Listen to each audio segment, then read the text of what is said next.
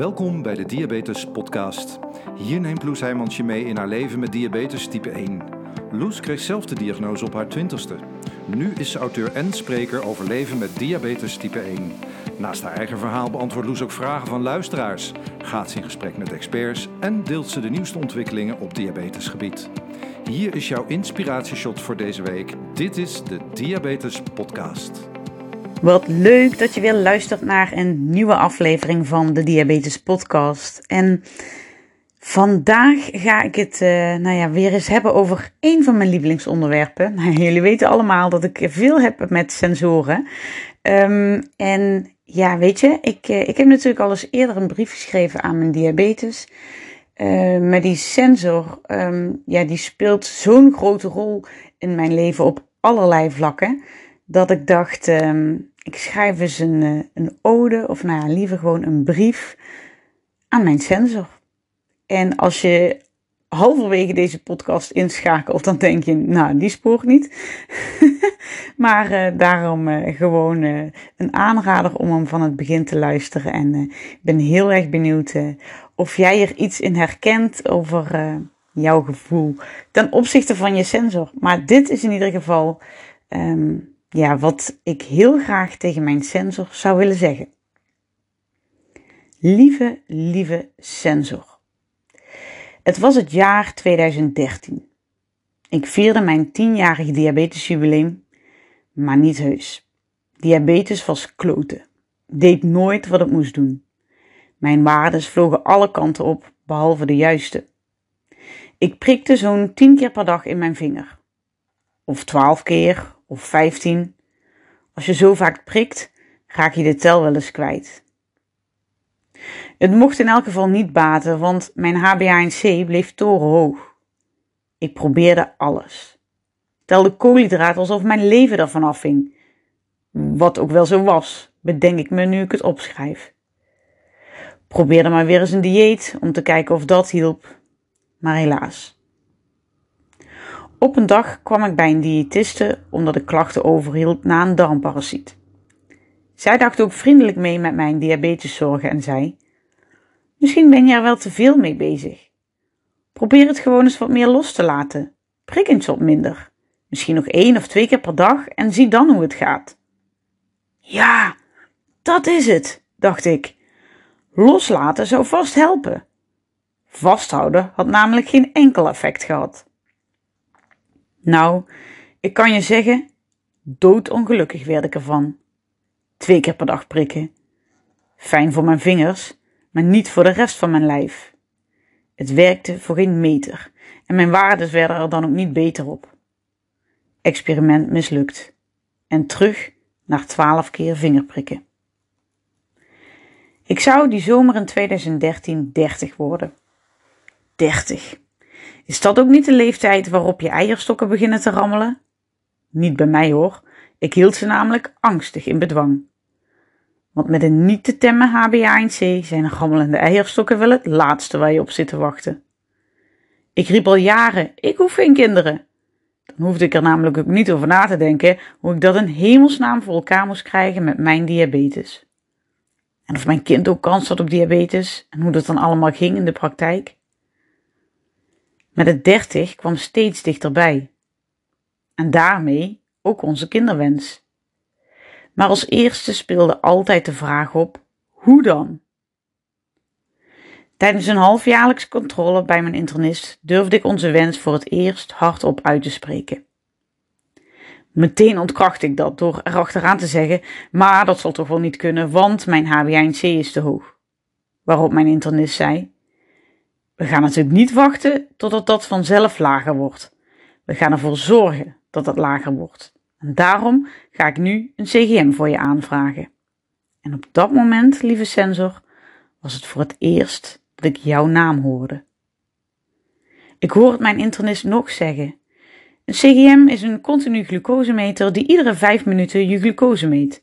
Daardoor krijg je veel beter inzicht in je waardes, zien we waar we moeten bijsturen en hoop ik dat we sneller een goed HbA1c kunnen realiseren, zodat je groen licht krijgt voor een zwangerschap.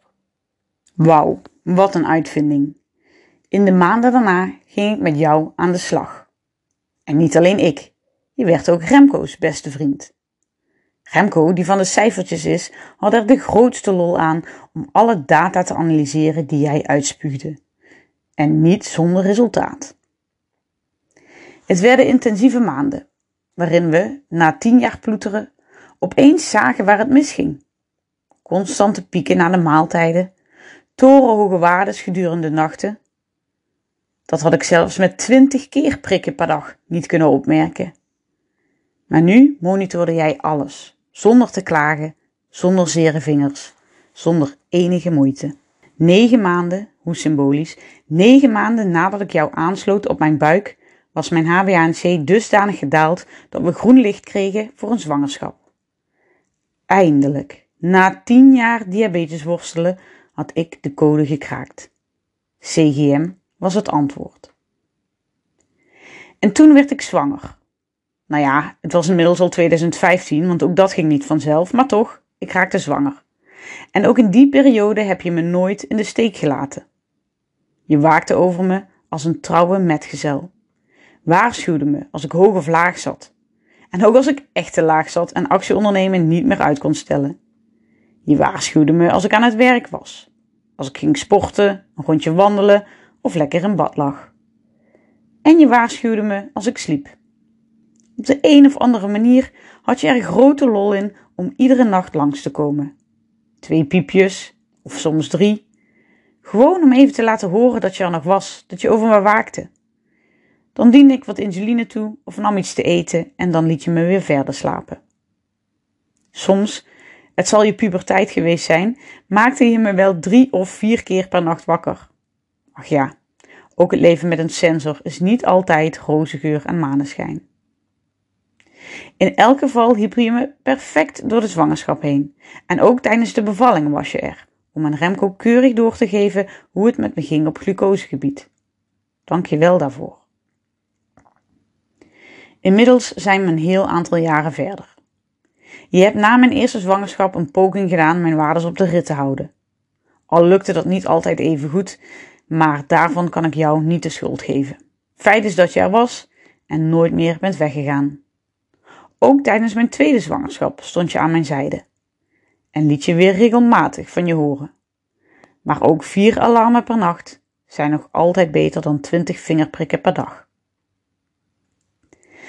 We hebben heel wat avonturen beleefd de laatste jaren, lieve sensor. En sinds een half jaar heb ik je een nieuwe vriend bijgegeven. Of eigenlijk twee. Want het leven was soms wat eenzaam voor jou. De communicatie wat eenzijdig. Je gaf me wel netjes mijn waardes door, maar er praatte nooit iemand tegen je terug. Nu zie ik pas hoe frustrerend dat al die jaren voor jou geweest moet zijn.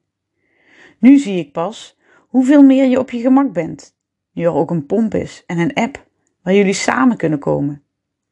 De app is de plek waar jij praat met mijn pomp. Waar je de waardes netjes doorgeeft en waar je kunt zien dat er geluisterd wordt naar jouw data. Wat moet dat een groot gevoel van voldoening geven? Je bent nu geen roepende meer in de woestijn, maar er wordt iedere vijf minuten naar jouw kant van het verhaal geluisterd. Ik merk dat het je goed doet. Want die alarmen, daar hoor ik je eigenlijk helemaal niet meer over. Je laat me gewoon lekker slapen nu. Wat er ook weer voor zorgt dat jij niet meer van die achtbaangrafiekjes hoeft te maken.